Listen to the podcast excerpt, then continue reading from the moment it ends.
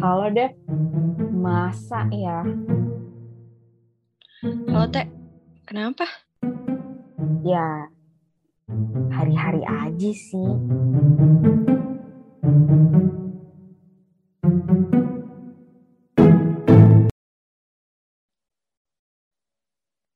Halo. Halo. Selamat datang kembali. Nadanya naik gitu ya Teh? Halo. Selamat Biar datang. Agak gembira gitu. Oke. Itu ada ininya ya Teh, risetnya. Semakin adanya tinggi terlihat gembira. Mm-mm, smiling voice ya kan. Jadi kayak mm, dia terlihat gembira, dia terdengar gembira gitu. Mantap. Oke. Gokil. Jadi hari ini kita ngomonginnya apa Teh? Kita akan ngomongin soal yang akhir-akhir ini sudah pasti diperlukan semua orang, tapi kadang nggak pengen pakai. Nah, mantap. Kira-kira apakah itu? Yang mana Ayo. adalah internet. Nah, Nah, masuk tuh Teh. Iya, jadi kan di era pandemi ini, kayaknya semua orang pakai internet gitu kan, Mas. Ya kerja, ya sekolah, ya Betul, ya. bersosialisasi, Hiburan. hiburan, semuanya itu di gadget gitu. Betul. Nah, yang jadi fokus bahasan kita, fokus Hmm. ya yang lain melebar ke mana-mana, wallahu alam. Nah, ya pokoknya Fokus. awalannya aja. Iya, awalannya untuk triggernya aja lah. Iya, ntar nggak tahu deh, ntar judulnya dipikirin lagi, apa judulnya. Triggernya adalah, jadi intinya kita mau ngomongin eh, bagaimana pengaruh penggunaan internet saat ini terhadap kesehatan mental seseorang. Asik. Betul. Gak topik skripsi ya, Teh. Yo, tapi ya seseorangnya ya kita ini ya kan. Iya, betul. Gak ada yang lain sih. ini. Pengalaman aja. Betul. Tanpa background riset-riset yang bagaimana gitu ya. Ini seadanya-adanya Nggak kita ada. aja ya, Teh. Heeh. Emang nggak ada bahannya. emang emang pokoknya pengalaman pribadi dan opini gitu. Betul. Hampir 99% yang kita omongin di sini ini ya opini ya. Teh. Opini. Jadi kalau kayak apa-apaan dia barusan itu opini guys. Jadi kayak ya sorry aja gitu kalau nggak ada mungkin nggak ada jurnalnya gitu ya. Betul. Hmm. Di masa pandemi sekarang yang penggunaan internet sedang tinggi-tingginya nih, Teh. Hal apa sih yang paling nge-trigger kesehatan mental lo? Kayaknya kalau yang agak mengena gitu ya di mental kayaknya spesifik ada dua nih media sosial yang rada membuat gue wow ada apa ini itu adalah pertama Instagram yang kedua adalah LinkedIn Betul. Nah, Saya kalau sangat gimana setuju nih? nih. sama nggak nih seenggaknya sosmednya dulu aja eh setuju banget sih. Oh, tapi gue nambah satu lagi boleh nggak? boleh boleh lah Iya gitu. gue eh, selain Instagram, LinkedIn, sama TikTok sih. Hmm. Oke. Kalau gitu kita bahas satu-satu dulu kali ya. Mau bahas yang mana Bisa. dulu nih? Dari yang paling dulu deh, paling sering nih. Instagram Paling kali ya. Sering Instagram sih. Nah kalau lu sendiri, poin apa sih atau kayak posting macam apa atau kayak di saat apa lo ngerasa ngeliat Instagram, hmm agak tidak baik sepertinya untuk diriku ya gitu. Kalau gue ya, Hmm. mungkin ini sih, di umur-umur kita sekarang kan, orang tuh bener-bener jalan hidupnya banyak sekali gitu ya. Banyak Hmm. pilihan, banyak yang mau dicapai gitu. Mm-mm. kadang-kadang gue ngelihat satu orang nih dari satu instastory ke instastory lain tuh gue kayak udah ngerasa beda tahapan kehidupan gitu. Iya iya. Kalau misalnya buka story eh, adik tingkat nih, wah masih sibuk organisasi, kepanitiaan Hmm. gitu. Buka eh, instastory temen nih, temen satu angkatan di kuliah, Hmm. ada yang udah sama teman kerjanya posting, wah kayaknya seru banget gitu. Mm-mm. Ada juga yang eh ke instastory lainnya, ada yang baru nikah, Oh, itu lainnya, banget lagi. Ada yang ada yang punya anak dalam hati gue kayak apa ya? Nge-trigger aja gitu kayak aduh, nih orang-orang kok tahapan kehidupannya bener-bener sebeda-beda ini banget gitu. Dan kayak jadi mencoba memposisikan diri gue sih, eh, gue masih di tahapan ini, nggak apa-apa gitu. Walaupun ya sebenarnya ke-trigger juga. Begitu. Kalau Anda bagaimana, Saudari Utari Milani Rahma? kayak webinar ya. Tapi eh, kurang, gue juga kurang lebihnya sama sih. Dan specifically si fitur Mm-mm. snap, snapgram, instastory itu tuh Mm. emang agak-agak gimana? Karena cepet banget kan. Terus kesannya kan kayak Mm-mm. ada remeh gitu kan, kayak cuma 15 detik gitu. Tapi di situlah semua orang update hidupnya gak sih? Kalau feeds kan biasanya ya foto-foto ala-ala gitu kan aja, biasanya orang-orang nggak banyak yang kayak nge-share beneran hidupnya tahapan hidupnya di mana gitu jadi IG story rada sih rada kayak gue pilih gitu jadi gue nggak nggak gue bukain Hmm. semua orang-orang terpilih saja lah yang gue buka storynya Betul, betul, betul.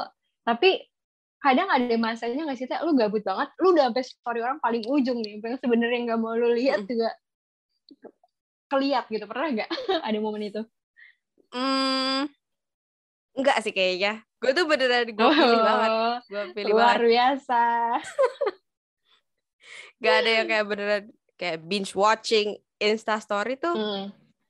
terutama ya? mulai dari apa ya kayak mulai tahun lalu kali ya kan gue bahkan tahun lalu gue nggak pakai IG sama sekali kan saking kayak oh tidak sanggup gitu. Jadi- Eh, diet ini ya. iya Diet ada medsos. sosial Diet lagi, Mbak. eh dia juga banyak yang pakai pakai istilah itu pakai terms itu. Oh iya. iya iya. Tuh, Mantap, mantap. iya gitu sih. Soalnya ya kembali lagi kalau diliatin semua tuh agak gimana ya? Gue jadinya ngebandingin. Kan kata orang kan ya kata gue juga sih maksudnya kayak jangan Mm-mm. ngebandingin gitu ya. Tapi sulit banget gak sih kalau pembandingnya tuh depan mata lu gitu? Bener, apalagi kayak yang orang hari-hari kita misalnya dulu sering ketemu, yang kita tahu dia Itu gimana dulunya, ya nggak sih? Betul Ini sebenarnya gue relate juga sih, Teh. Gue juga pernah setahun detox sosmed, dan kayak, apa ya, waktu satu tahun lu ngebuka si IG ini tuh adalah hari-hari di mana lu ngerasa, ini nggak sih, lebih, justru lebih berapa ya, lebih happy lah gitu loh. Mm-mm.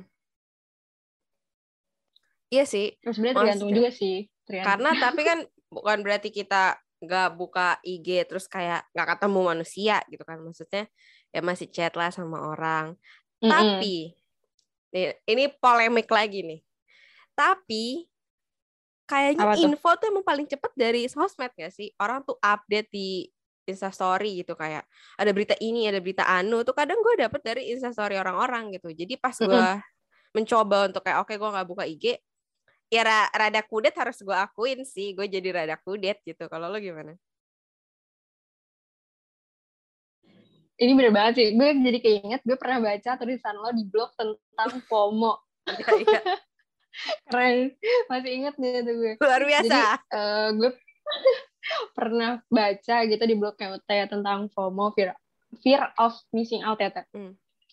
Dan gue ngerasain sebenarnya yang bikin ketagihan buka IG itu adalah si FOMO ini kadang kalau gue. Gue tuh pengen tahu gitu, teman-teman gue lagi ngapain sih? Gue penasaran gitu. Mm-mm. dan waktu kita nggak nggak update sama si IG ini FOMO itu muncul gitu kayak Tuh. gue pengen gimana ya, emang mungkin dasarnya kita juga suka membanding-bandingkan diri ya supaya nyari penyakit Itu gitu dia, itu dia. jadi pengen ngeliat aja gitu kayak orang udah sampai mana sih gitu dan apa ya apalagi kan kita tidak bisa melibatkan diri secara fisik kan sekarang tuh sama orang-orang tuh Mm-mm. kayak nggak bisa gitu. Jadi cara kita merasa terlibat untuk merasa kayak oh gue masih bagian dari komunitas ini nih gue masih menjadi bagian dari pertemanan ini ya dengan ngelihat updatean orang gitu dan ngerasa gimana ya, tetap involve di situ gitu. Padahal kayak ya enggak di rumah gitu. Betul betul dan kayak sering banget gak sih lo misalnya catch up nih sama temen-temen lo? Mm. eh si ini ini ya? Kamu lo nggak tahu? Terus kayak ini kan update di Iya, bener banget. ya kan? Terus kayak "Hmm, gimana ya bun? Mohon maaf nih. ya gitu sih. Karena itu dia sih? Semua orang tuh ya gimana mau nggak mau ya itu kayak sulit Mm. juga kayak 100% nggak pakai itu kayaknya lo ya kudetnya ampun-ampunan gitu. Apalagi kayak teman-teman lu ada juga Mm-mm. takut kayak misalnya kita nggak update kadang kan kita ngeliat doang ya atau kayak cuman nge-react doang nggak nggak ngechat di DM juga apa gimana gitu. Tapi ada rasa bahwa ya itu tadi eh, lu bagian dari komunitas gitu sih. Dan kalau kayak oh udah gue akan menjauh tuh rasanya makanya gue balik lagi make ya karena rasanya udah terlalu jauh gitu Berarti secara tidak langsung lo mau bilang eh, si IG ini emang udah jadi salah satu needs kita ya dalam kehidupan sehari-hari. Bener banget. Karena kayak apa ya? Apalagi gue juga kan pas sempat sempat cari kerja yang kayak gitu itu kan juga ada Mm-mm. banget infonya di IG kan lo bisa cari Betul. lowongan kerja gitu jadi ya gimana ya sulit juga gitu kalau buat 100% nggak pakai ya ngebalancinnya itu sih ngebalance antara oke pakai secukupnya nah secukupnya itu dengan waktu yang berlimpah sekarang ini yang bikin kita kayak secukupnya tuh di mana gitu Betul, betul. Karena kadang-kadang juga lagi bosen gitu. Maksudnya kayak misalnya lagi istirahat nih. Hmm. Terus habis itu, ah gue ngapain ya? Ya udah buka Iya. sosial media gitu kan. Karena gue pernah baca juga sih ini. Ini agak eh, sedikit ada dasarnya nih. Oh, gue banget nih.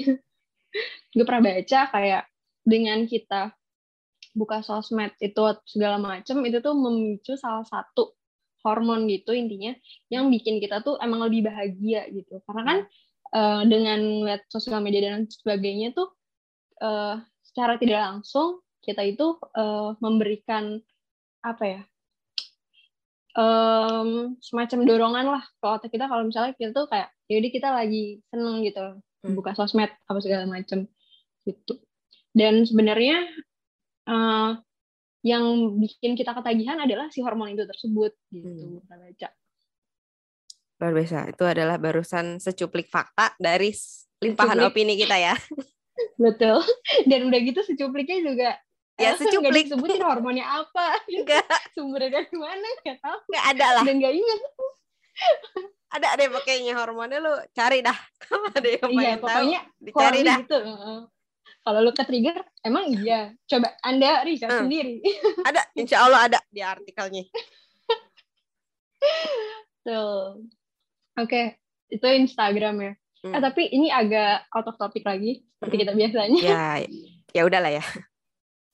Kalau pandangan lo terhadap reels gimana nih teh? Kan kayak Instagram Ah, udah ada fitur reels juga sekarang. Menurut gua itu bukan apa ya bukan hal baru gak sih Insta Story aja Mm-mm. dari dari apa sih namanya Snapchat Iya.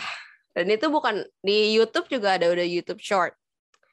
Jadi gimana ya soal caplok mencaplok ini udah apa ya udah abu-abu banget gitu kalau di dunia teknologi apalagi media sosial gitu ya.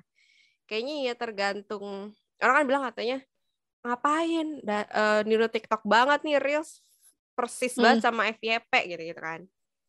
Mm, Ya betul. gimana ya? Pasti kan dia bilang aku kan eh, mengadaptasi, meniru dan memodifikasi kata Instagram gitu kan. Tapi gue pernah baca juga bahwa sebenarnya Instagram tuh nggak nyasar pengguna TikTok. Dia mau ngekip pengguna tapi? dia sendiri gitu loh. Untuk kayak Hmm, buat-. Kan nggak semua gimana early adapter kan pasti kan udah wah langsung aku udah pakai TikTok gitu kan. Nah, si kaum Iya. menengah ini eh, yang baru pakai Instagram doang terus kayak perlu nggak ya gue pakai TikTok? Ya udah sih Instagram bilang kalau lo nggak mau pakai TikTok ya udah lo ditetepi kita aja nih kita bikinin reels nih. Nah makanya menurut gue sih ya sah sah aja ya.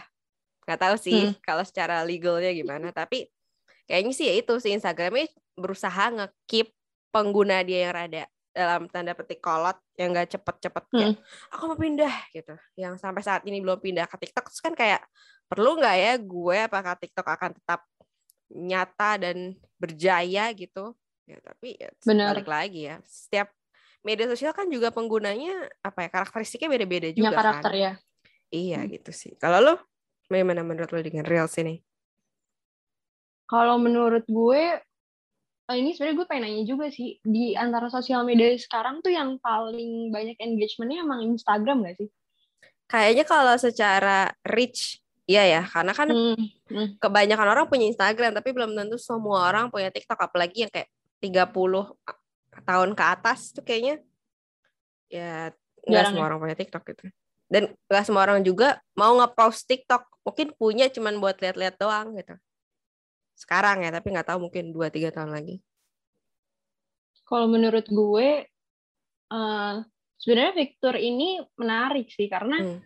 Eh, membuat orang tuh jadi bisa berkreativitas tanpa batas gitu kan. Kayak Hmm. mungkin dia yang kayak lo bilang tadi dia nggak mau download TikTok nih, tapi dia bisa nyobain sensasinya dengan dia bikin reels gitu. Cuman Hmm. eh, ini aja sih, ini personal eh, preference ya. Tolong Hmm. dong ini reels, gue kagak bisa bikin coy HP gue udah nggak ngelemot-lemot kalau bikin. Apa udah dah? berat gitu. Waktu itu gue pengen nyoba bikin terus kayak layarnya blank. Terus tiba-tiba Wow. keluar dari Instagram. Terus gue kayak gue gak ngerti sih ini karena dia emang ngebug atau HP gue yang udah usang gitu. Tapi gitu sih. itu gak tau sih gue bahkan ya kan gue udah cerita tadi sebelumnya kan gue detox Instagram kan jadi tuh gue beneran gak pakai tuh mungkin 7 sampai 8 bulan gitu gue nggak buka Instagram gue dan beneran gue hapus gitu jadi bukan cuman Hmm. gak gue bukan buka nggak buka doang. Iya tapi gue hapus terus kalau misalnya gue ngeliat tuh gue lewat PC gitu. Jadi gue ngeliat lewatnya tuh eh, aplikasi yang ada di laptop. Gitu kan. Terus pas gue Hmm. kembali mendownload udah ada nih si reels ini. Orang-orang udah heboh kan. Terus gue mau tahu dong kayak reels kayak apa sih kayak apa sih gitu. Terus ternyata tau gak sih di Instagram gue nggak ada reelsnya. Kayaknya tuh Instagram ngerasa ah, apa account gue tuh Baru udah datang ya. Tidak hadir gitu loh udah kayak account bodong gitu loh jadi nggak bisa Jadi plot twist banget kita dari tadi ngomongin reels. Yang satu kagak bisa bikin, yang satu nggak ada fiturnya. kita ada Bagus ngomongin kayak gila gue tech savvy banget nih nggak ada Tapi itu bukan karena IG-nya belum diupdate ya, Teh. nggak emang nggak ada aja mungkin algoritmanya Instagram lo kayak kayaknya nih orang eh, kaget kali kalau tiba-tiba datang ada reels gitu. iya kata gue Kita hold aja dulu. eh, kata gue nggak usah kali ini buat dia mah gitu jadi gak ada jadi kayak kalau lo Iya. kalau jadi gue ngeliat reels itu kan harusnya di tengah ya ada tombol Iya, reels betul. gitu kan Heeh. Nah, gue tuh ngeliatnya di explore, terus kayak di kanannya kan ada Mm. reels orang ya. Nah, gue dari situ. gak ada. Tombol di tengahnya gak ada. sedih banget. Aduh. Tapi ngomongin fitur IG nih, Teh. Hmm. Dengan tanpa reels, fitur yang paling lo suka dari IG apa? Yang paling sering gue buka Kan ada ada Instagram Music juga gitu kan sekarang. Mm, mm, mm. Tapi, oh iya bener sih. Gak ada sih gue. Ya udah gitu. Instagram gue. Ya udah gue buat nyari info Lu aja sakit hati gitu. ya, Teh ya? Apa? sakit hati gara-gara nggak ada reels ya? Gak tahu ya. Ya udah gue liatin IG stories, kayak gue paling ngeliat explore. Explore IG kan juga kebanyakan post orang dari TikTok ya. Jadi Iya ya betul. udah di-share aja gitu gue liat-liat doang. Oh ya apa sih yang terjadi di dunia ini tren apa sih? Oh ya udah, ya udah Hmm. gitu. Oke oke I see. Terus eh lanjut kali ya teh ke LinkedIn. Nah ini dia nih. Ini dia nih Ini dia nih. sumber iri dengki iri dengki. Eh, jangan iri dengki. Lalu, lalu dulu nih gue mau nanya. LinkedIn tuh kan ya, apalagi kita ya, akhir-akhir ini kan kayaknya Hmm. setiap hari adalah ya sekali buka LinkedIn gitu. Dalam masa-masa ini, Ah, betul. apalagi kemarin-kemarin ini. Gimana nih tanggapan lo saat membuka LinkedIn? Apakah ada yang lo hindari atau kayak nggak embrace aja semuanya gitu? Kalau gue lebih ke ya udah sih semuanya gue terima aja. Kayak maksudnya eh, hal-hal yang terjadi di LinkedIn itu kan di luar kendali gue ya. Hmm. Satu-satunya hal yang bisa gue kendalikan adalah gimana perspektif gue terhadap hal tersebut gitu. Hmm. Jadi ini kayak sering banget ada notif gitu ya misalnya eh, notif orang share postnya baru keterima apa Hmm. gitu kan atau yang bikin apa namanya cerita kayak Hmm. achievementnya apa segala macem gitu gue sekarang menanggapinya dengan kayak oh ya udah bagus Hmm. buat dia gitu walaupun kayak ya eh, pasti ada rasa kayak "Hmm, gue juga pengen nih kayak gini gitu cuman gue lebih mencoba mengontrol itu aja sih gitu dengan kayak mikir oh nanti gue juga ada waktunya kok gitu dan sebenarnya uh, ada sisi positifnya juga gitu kan lo jadi ke-trigger buat ya gue juga mau nih kayak gini gitu kalau dari lo gimana teh Gue juga gitu sih. Tapi gue sempat kayak nonaktifin beberapa gitu beberapa notif. Jadi kayak ya udah gitu. Pas gue buka baru gue lihat. Jadi nggak pop up di notifikasi HP gue sih. Ya gitu. Jadi Hmm. kayak gue mempersiapkan diri. Oke gue akan membuka LinkedIn. Tidak masalah, mari kita buka Oh. gitu. jadi lo Jadi- ada pemanasannya dulu gitu ya teh Iya, jadi nggak yang pop up. Perut si Anu eh, ini si Anu ikut event ini, si Anu ini gitu. Jadi kayak gue Hmm. udah siap, oke, gue emang mau buka LinkedIn yang mana adalah emang tempat orang pamer biar dia dilirik gitu kan. jadi kayak kayak bisa gitu. bisa ini bisa jadi tips juga nih buat yang lain Iya benar. Kalau lo nggak siap mental, lo butuh bisa prepare dulu gitu. Tapi ini eh, out of topic lagi nih teh. Hmm. jadi lo tau kan fitur LinkedIn itu kalau orang ngelihat profil kita bisa nongol kan? Hmm. ini ada banget masanya di mana gue nggak ngerti ya ini orang tuh lagi studi banding apa kayak gimana? Jadi ada yang stalk LinkedIn gue sehari lima kali. Dan itu kayak beberapa hari. Jujur kayak gue merasa jadi itu dia kan pertanyaannya ngapain gitu gue merasa jadi kayak agak nggak nyaman aja gitu Hmm. Padahal kalau gue pikir-pikir, ya sebenarnya di Instagram pun juga bisa aja ada yang nge-stalk berkali-kali dan sebagainya. sebagainya. Cuman lebih ke kalau Instagram kan lo bisa private gitu ya. Iya Terus iya. Twitter dan lain-lain juga. Nah gue tuh jadi ngerasa nggak ada privacy di LinkedIn ini- ini gitu loh. Kayak orang bisa aja main ngeliat-liat profil gue apa segala macem. Padahal gue nggak connect sama dia gitu. Kecuali kalau Hmm. misalnya recruiter ya. Kalau recruiter Eh, langsung kayak, dipersilakan oh, gitu kan. Mungkin ini kesempatanku bersinar. Langsung kayak, "Em, apa nih dilihat nih gue gitu kan. Iya Cuman benar kan kalau misalnya orang yang bahkan misalnya nggak ada mutual connectionnya jadi kayak apaan sih nih orang gitu loh. Hmm. Tapi nggak tahu sih. Tapi mungkin gue juga beberapa kali ngeliatin apa page LinkedIn teman-teman gue menurut gue bagus Hmm. gitu. Jadi kayak oh Nah, itu ini kan kali cara kan, nulisnya gitu. Oh iya sih benar. Iya. Benar juga. Kalau gue nih kayak nggak tahu nih orang datang dari mana, nggak bukan koneksi gue gitu. Tiba-tiba Mhm. ngelihat lima kali sehari, gue kayak apa sih ini? Gue berasa di spy gitu. Oh iya. Ya mungkin karena kelihatan namanya juga ya. Mungkin orang juga Instagram Iya benar. ngeliat ini, ngeliat Benar. anu. Benar sih. Gue juga gitu.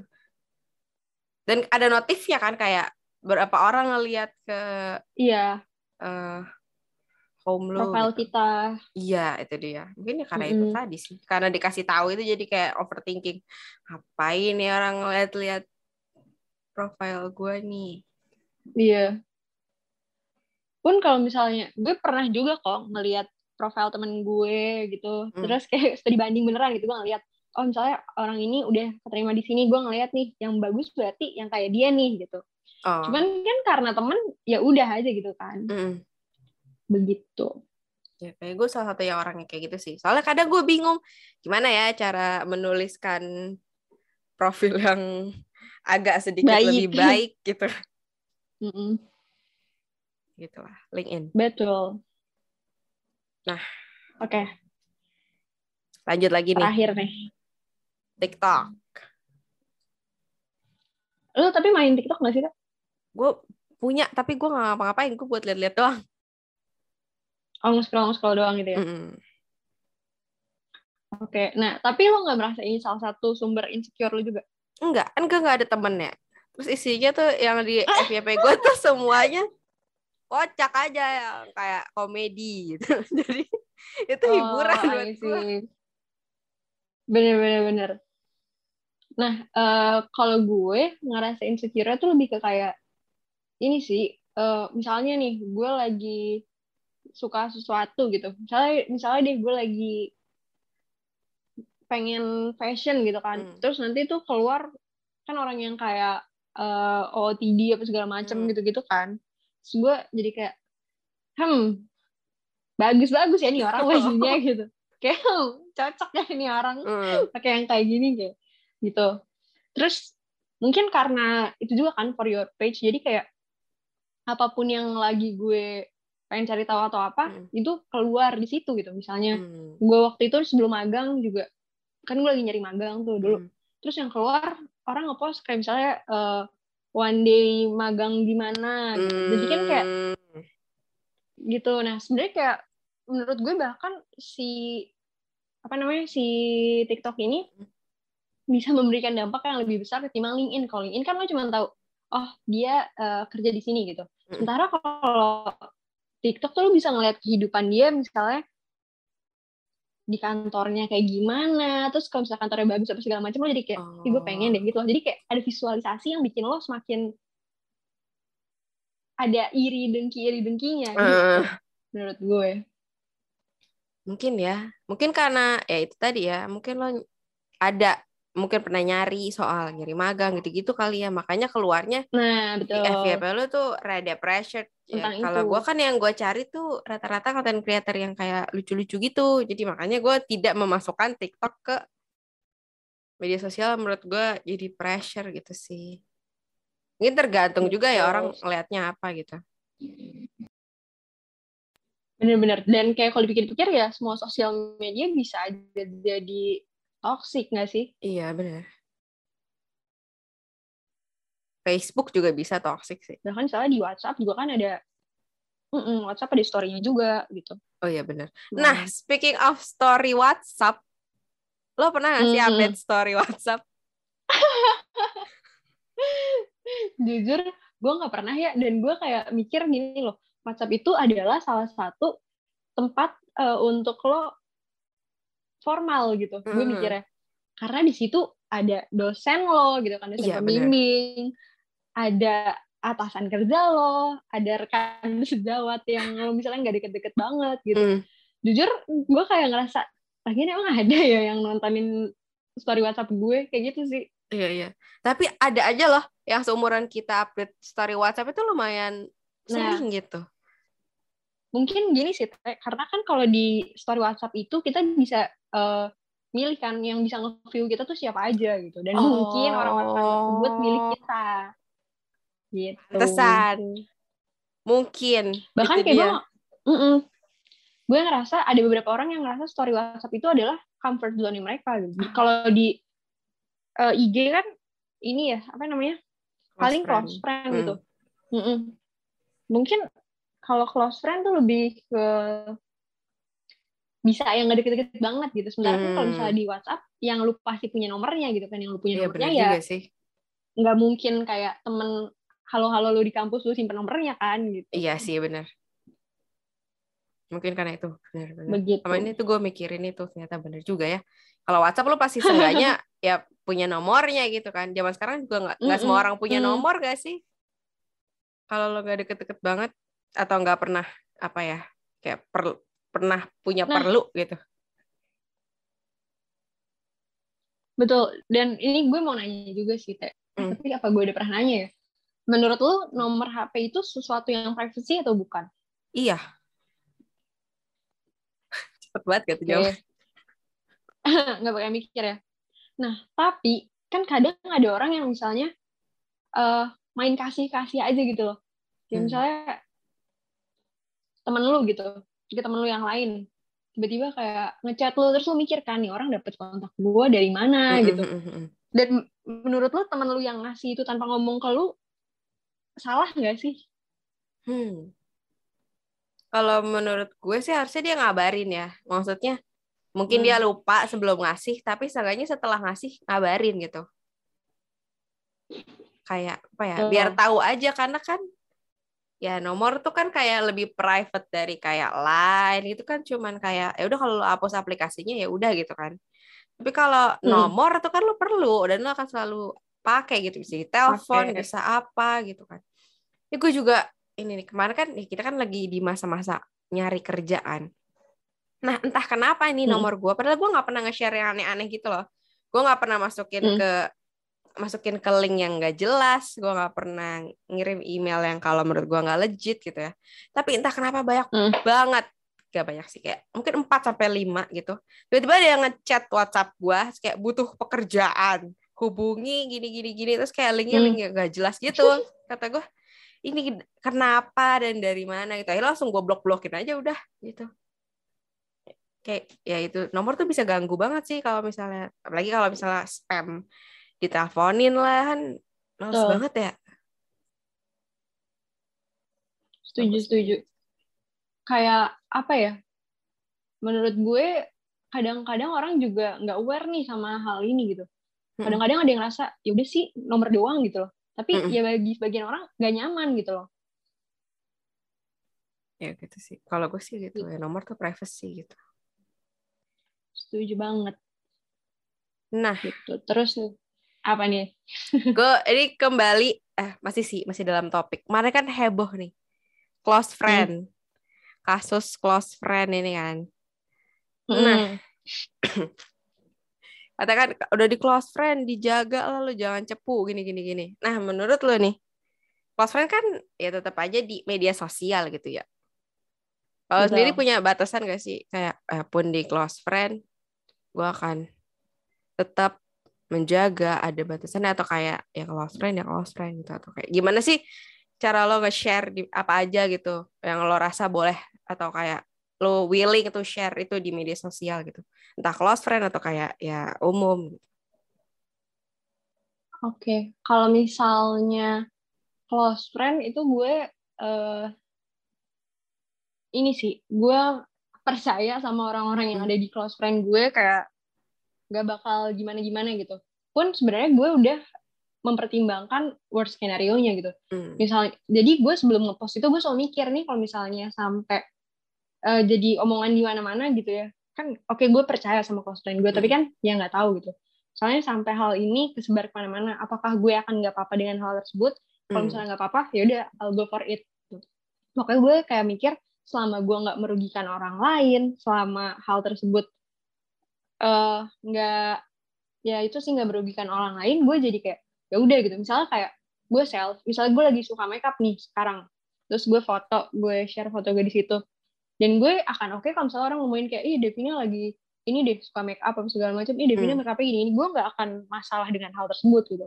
Makanya gue share. Tapi kalau misalnya hal-hal yang sekiranya bakal jadi omongan dan gue kayak aduh males deh masih kayak gitu diomongin gitu gue akan keep itu sementara kalau misalnya di nggak di close friend itu gue lebih sangat memilih lagi itu Hmm. biasanya gue bener-bener kayak yang eh, kalau nggak di close friend tuh gue pasti cuman ngomong ini misalnya eh, apresiasi apresiasi apresiasi lah appreciation post gitu Hmm. susah banget ngomong misalnya kayak eh, gue dikasih apa gitu sama siapa Hmm. gue mengapresiasi hal tersebut dengan gue bikin story gitu atau eh, ngucapin orang wis- wisuda apa segala macem yang Hmm. menurut gue kayak ya itu hal-hal yang biasa aja gitu tapi kalau misalnya kehidupan hari-hari gue gue jarang banget sih nge-share Hmm. di eh, Instagram itu karena gue ngerasa eh, gue like to keep my circle small aja gitu. Jadi Hmm. gue pengen orang-orang yang tahu kehidupan sehari-hari gue adalah yang dipasukan doang Oke. gitu. Berarti sebenarnya berlayer banget ya yang mau lo share gitu. Heeh, betul kayak untuk close friend kayak gini, yang gak close friend kayak gini gitu. Itu Hmm. kayak gue udah ada boundariesnya masing-masing sih. Hmm. Gue juga kurang lebih gitu sih.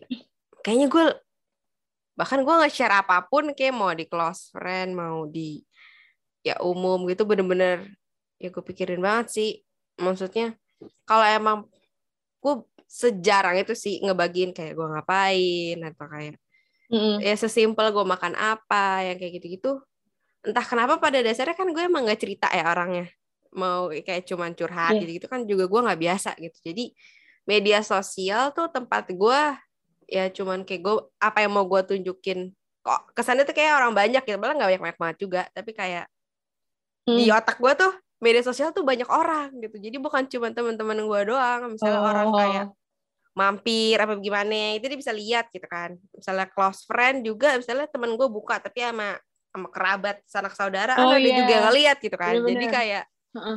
gue ngerasa kalau udah di media sosial tuh udah buat publik jadi nggak kayak nggak ada itu nggak ada Oh. lagi circle itu adalah publik gitu sih kalau gue begitu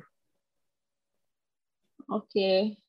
Jadi bagi lo kayak ya kurang lebih sebenarnya mirip-mirip kita sih sama ya teh. Mm-mm. Iya kita sama. Cuman kalau lo lebih kayak nggak nge-layer tapi langsung kayak udah nih pokoknya semua yang ada di sosial media adalah untuk publik aja gitu ya. iya jadi yang kayak gue gue baik-baik aja kalau itu dibagiin di publik gitu itu sih Hmm, I see, I see.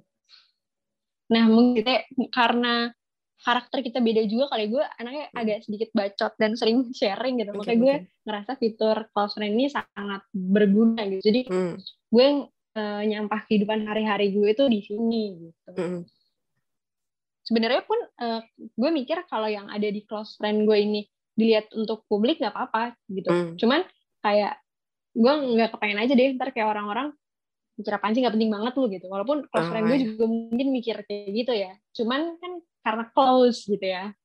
Jadi Hmm. kayak kalau teman dekat lu kan lu nyampah atau gimana ya bodo amat gitu kan. Hmm. Dan bother gitu. Nah terus nih kan kita udah ngomongin toxic toksiknya dan segala Hmm. macam Teh. Gimana sih cara lu menjaga kewarasan lu kan tadi topiknya internet dan kewarasan. Iya benar. Kalau cara gue itu adalah pertama ya kagak pakai sama sekali ya. gue udah nyobain yang beneran kayak Hmm. gak gue pakai udah gue hapus beneran dari HP gue gitu.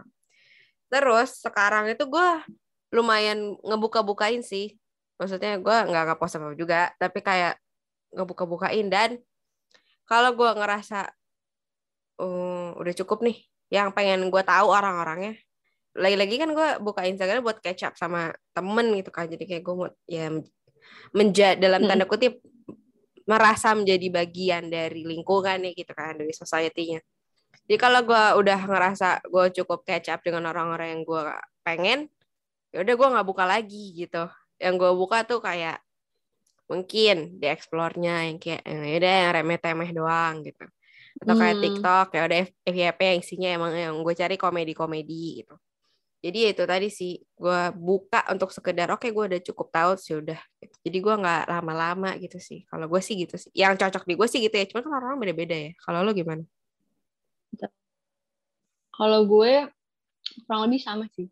Dan mungkin gue udah eh, cukup bijak juga. Gue ngerasa gue udah cukup bijak sih kayak dan kita milih-milih itu kan eh, adalah hal yang bijaksana gitu loh. Nggak Hmm. semua hal eh, kita konsumsi gitu. Mm-mm. Dan gue pun kalau misalnya emang gue udah nggak sengaja ngeliat gitu, ya udah gue memfilternya di kepala gue gitu karena ya Oh. udah kelihatan gitu bagaimana lagi sebenarnya kalau gue lebih ke ini sih nanemin konsep ya apa yang gue eh, orang tuh nggak sebaik kelihatannya di sosial media gitu pasti kan Oke. ada aja hal-hal yang eh, misalnya orang sebut lagi down atau segala macam jadi kayak mencoba buat biasanya ini orang sering banget kan nge-compare nge-compare eh, kesedihannya dia dengan kebahagiaannya orang lain ya itu udah sangat tidak apple to apple gitu Hmm. Ini kayaknya Gitu emang sih apa ya? Kayaknya ini apa ya? Poin penting untuk dipahami gak sih orang tuh ya kayak kita kayak kita tadi orang tuh nge-share apa yang dia eh, mau publik lihat gitu. Dia kan pasti nggak mau lah lihat kayak lagi nggak punya duit atau kayak lagi buruk-buruk kayak hidupnya. Jadi kayak- nangis-nangis Iya, eh, walaupun ada sih ya yang pengen orang lihat sih Iya, ada. ada ya. Cuman kan kebanyakan orang pengen Betul. ngelihatnya ya yang yang bagus-bagusnya lah. Nah itu kadang kita lupa gak sih? Kita ngeliatnya kadang kita lupa kalau orang tuh ada ada masa buruknya juga yang yang nggak dia share di media sosial gitu. Betul. Dan kayak apa ya? Media sosial ini tuh udah bener-bener pokoknya lu kalau misalnya buka media sosial udah jangan berpikir semuanya itu real gitu loh. Benar. Karena misalnya orang eh, instastory aja pakai filter gitu kan. Berarti kan nggak asli eh, kayak gitu. Bahkan kalau misalnya nggak pakai filter pun kan ada yang HP HP tuh yang tipu ya gitu. Nah, betul. Jadi itu balik lagi kayak lo harus eh, berbijaksana untuk ngefilter apa yang lo mau percaya nih gitu. Mungkin nggak sih Hmm. beneran muka nih orang semulus ini gitu. Misalnya kayak kita lagi breakout gitu. Terus ngeliat kayak "Oh, mulus banget Iya, gini iya. gini, apa segala macam ya. Lo harus punya pikiran semua orang kayak lo gitu ya. Mana mau sih orang sengaja nunjukin jelek-jeleknya gitu. Mungkin ada untuk campaign gitu atau untuk Hmm. encourage orang lain gitu kan. Tapi kan nggak nggak ada lah orang yang kayak pengen eh, lihat nih gue lagi jelek gitu kan Iya, iya. ngapain gitu gitu Iya benar. Ya itu itu juga sih ya gimana ya. Ya nggak gampang sih ya buat beneran kayak ya menyeimbangkan itu antara lo butuh juga Bener. buat buat informasi dan segala macam. Tapi kayak ya kalau lihat terus ya capek mental gitu. Mm-mm. Sebenarnya gue pengen nanya nih, Teh. Hmm. Kan kalau misalnya di komunikasi tuh biasanya emang dituntut buat lebih update lah gitu kan Mm-mm. terhadap hal-hal kayak gitu. Nah, lo ada nggak sih batasan kayak, oke gue buka sosial media untuk gue ada research dunia kerja sama personal consumption lo. Ini sebenarnya gue cukup apa ya? Cukup jadi keresahan gue untuk beberapa waktu sih. Karena gimana Hmm. ya? em, slot kerja yang gue sasar tuh kan bersinggungan banget sama media kan dan Betul. eh, harus update gitu loh apa yang terjadi di dunia gitu kan. Di sisi Hmm. lain, gue ngerasa beban banget nih buka media sosial tuh ada di tahap kayak wah beban deh buat pikiran gue gitu kan. Mm-mm. Nah, em, solusinya adalah gue nggak buka home gue. Jadi gue bukanya explore Oh, gitu Heeh. sih. Dan gue cari misalnya, gue mau nyari tahu tentang apa nih? Misalnya, gue mau cari tahu tentang em, kolaborasi baru apa sih yang lagi happening nih di dunia gitu. Terus gue nyari akun-akun yang emang biasanya eh, ngeberitain itu kayak vokatif atau kayak ya ya semacam itulah yang emang informasinya gue butuh gitu atau gue lagi pengen nyari apa informasi terbaru soal Korea-Koreaan gitu. Oh ya udah gue buka Mm-mm. eh, akun yang emang eh, dia ngomongin soal itu. Jadi gue nggak buka orang, gue bukanya media lagi di dalam media sosial. Kalau gue sih gitu. I see, I see. Karena emang tuntutan pekerjaan gitu ya, Teh. Salah satunya. Iya gitu sih. Masalahnya adalah gue Hmm. butuh infonya gitu, tapi gue nggak Mm-mm. ada gue apa ya tidak ada dalam eh, apa ya kondisi mental yang cukup stabil gitu sih untuk kayak berhenti membandingkan diri dengan orang lain Mm. gitu. Jadi ya cara gue adalah untuk yang nggak lihat itu sih. Gila, gila, gila, gila. Itu good point banget sih. Kadang kayak misalnya eh, gue juga dari tadi ngomong kayak, ya lu bisa ngefilter ini segala macam. Mm. Tapi yang namanya mental seseorang kan kadang ada naik turunnya ya, Teh. Iya Dan benar. Kadang lo tuh jangan jangan memaksakan diri gak sih? Kayak lo harus tahu nih kayak, aduh Mm-mm. kayaknya gue lagi nggak bisa nih gitu. Mm-mm. Jangan memaksa kayak, lu udah lah nggak apa-apa orang cuma Instagram doang nggak kok gue nggak ini. Maksudnya kayak jangan menolak apa yang eh, perasaan lo bilang gitu loh. Iya. Iya nggak sih? Kayak, kalau lo lagi ngerasa nggak oke, ya jangan buka gitu. Iya benar. Gimana ya dan tahap pertama lo bisa membaik secara mental adalah em, lo apa ya diamini gitu bahwa lo lagi nggak baik-baik aja gitu dan nggak semua orang bisa loh maksudnya Betul. kayak eh, merasa oke gue nggak baik-baik aja nih itu aja tahap buat kayak apa ya mengamini di mana level mental apa level kestabilan mental aja itu udah apa PR Susah sendiri gitu Mm-mm, mm-mm. Betul. itu sih kalau lo gimana nih mengakalinya Gue gue setuju banget sih eh, sama yang lo bilang teh untuk Hmm. ada di tahap menerima itu kan sebelumnya kita harus mengaku ya. Mm-mm. Nah ini tuh yang susah gitu. Kita tuh kadang denial sama perasaan kita sendiri Betul. gitu.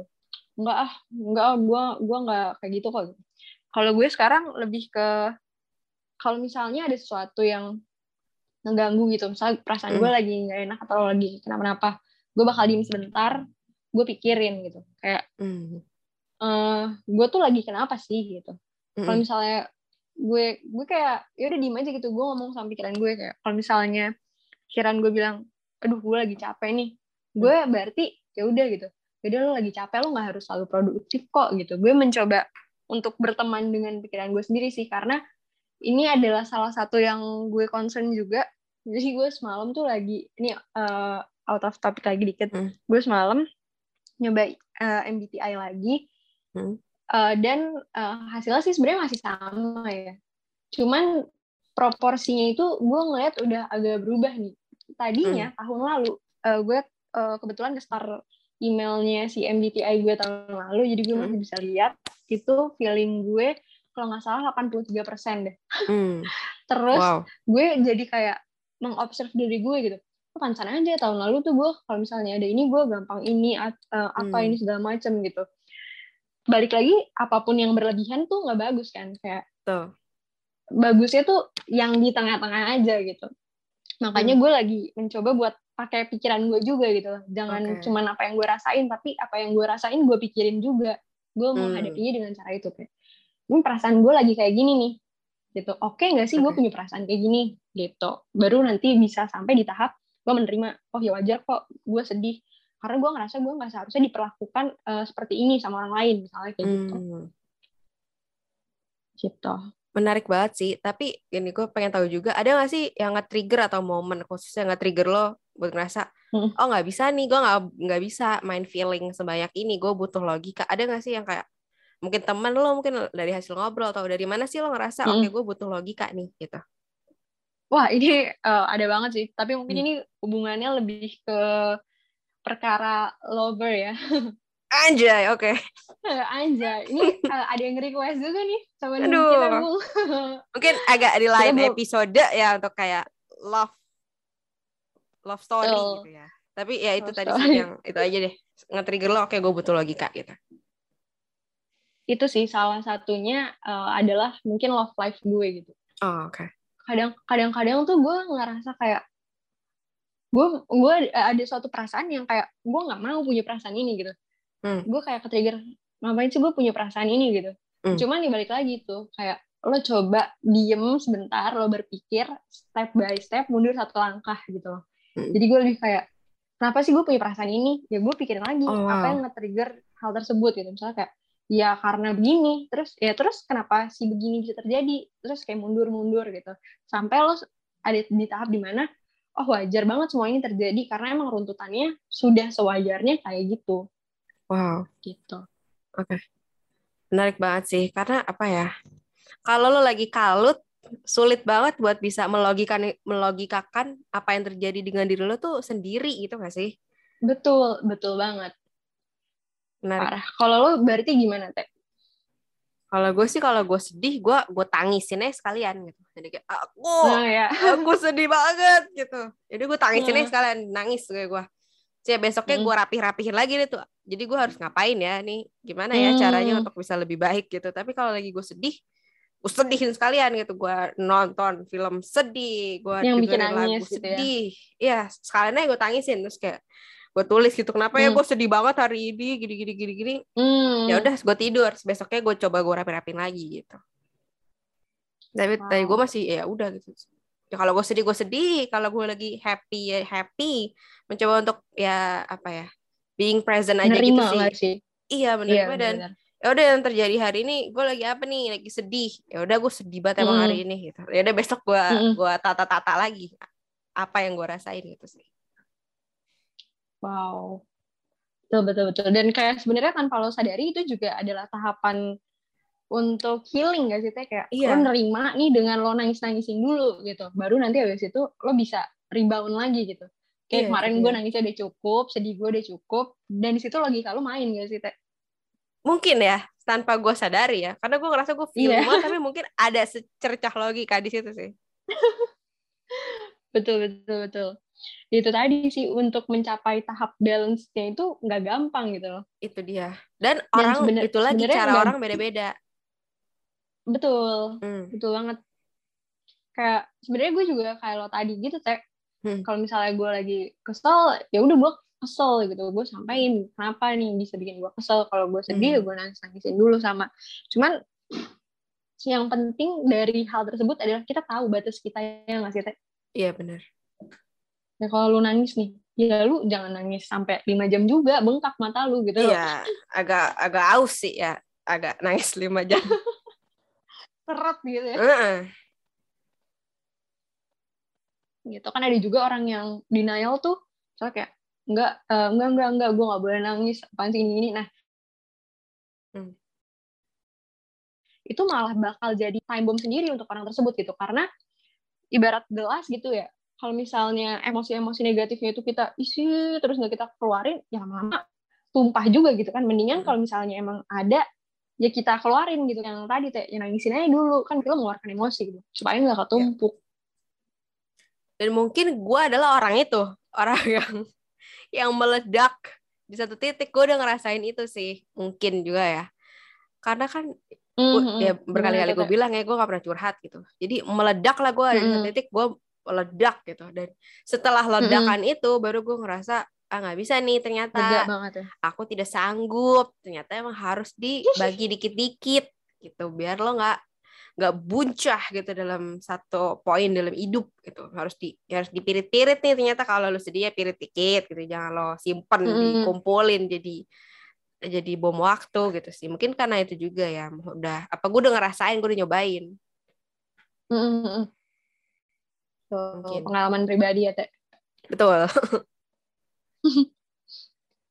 dan lagi-lagi orang kan Setuju banget. kisah apa apa ya timeline hidupnya beda-beda kan ada juga mungkin yang udah hmm, rasain benar benar. gitu ada yang belum gitu. Ya ya dicoba-coba aja sih juga hidup. Setuju banget. Kadang-kadang tuh kita suka apa ya kita tuh jadi manusia eh, suka nyebelin juga gitu. Mungkin misalnya nih lo lagi di tahap yang sedih eh, misalnya lo ada di tahap yang sedih-sedih. Nah gue udah Hmm. di tahap yang udah nggak sedih-sedih gitu. Nanti tuh gue, gue bisa aja nyebelin dengan cara ah udah teh kayak gitu doang gitu Terus Hmm. padahal kayak jangan gitu. Orang timelinenya beda lo mungkin bisa cepet gitu kan. Ya em, misalnya sa- lo sehari aja udah cukup gitu. Tapi kalau misalnya dia butuh sedihnya dua hari ya biarin aja dia gitu loh. Jangan lo Hmm. paksa sama kayak lo gitu. Benar tapi kan gitu dia trikinya eh, di di mari mungkin ya ya ya kayak di Mm. lingkungan kita lah seenggaknya. Pasti ada aja kan si Mm. kaum mendang mending yang kayak lo masih mending kalau kita cerita gitu iya iya. Lo masih mending gitu. Dia sih yang kayak milih antara mau cerita apa kayak adepin sendiri itu juga ya, PR benar. Dan mungkin salah satu kodrat kita sebagai manusia ya cobalah dengarkan eh, teman-teman kita yang emang misalnya lagi cerita apa gitu ya. Hmm, jangan apa ya karena kita kita tahu nih di kayak gituin tuh nggak enak gitu. Ya udah kita jangan Iya, betul. lakuin juga gitu ya. Betul. Gitu. Walaupun kadang jujur susah nggak sih? Kadang lo misalnya temen lo cerita lo kadang bingung nih gue harus ngomongin juga nggak ya? Gue tuh mau nge-share pengalaman yang sama. Tapi ntar Iya, gue dikira dia. ngebanding bandingin lo pernah kayak gitu nggak sih teh? Itu pernah banget sih. Terus kayak lo berdialog dengan diri lo sendiri di kepala lo kayak kelarin gak ya nih cerita gue nih? Percis banget nih sama cerita nih orang. Pasti ada kan yang kayak gitu. Tapi kayak aduh mau dikeluarin apa enggak? Momentumnya itu aja waduh sulit banget. Betul. Setuju banget. Ya, gitu. kayak kadang kita nggak tahu aja gitu ya ini teman kita Iya. lagi mau cerita doang apa mau solusi nih? Gitu ya. Iya, dia butuh didengerin doang atau kayak dia mau punya teman seperjuangan gitu kan. Kalau dia mau punya teman seperjuangan, gue bagi nih. Gue pernah punya cerita percis banget. Tapi kan ada kan orang nggak pengen ya kalau mau curhat tuh maunya didengerin doang gitu. Nah ini tuh apa ya? Learning by doing ya. Menjadi pendengar yang baik tuh emang learning by doing gitu loh. Betul. Karena pada dasarnya semua orang ingin didengar juga nggak sih, Teh? Ya. Iya, Semua orang tuh ingin dihargai, semua orang ingin didengar gitu. iyalah. Seenggaknya dianggap penting lah gitu bagi satu orang di dunia ini gitu. Betul, setuju banget. Ya. Oke. Baiklah. Lumayan Sudah ke mana-mana obrolan kita.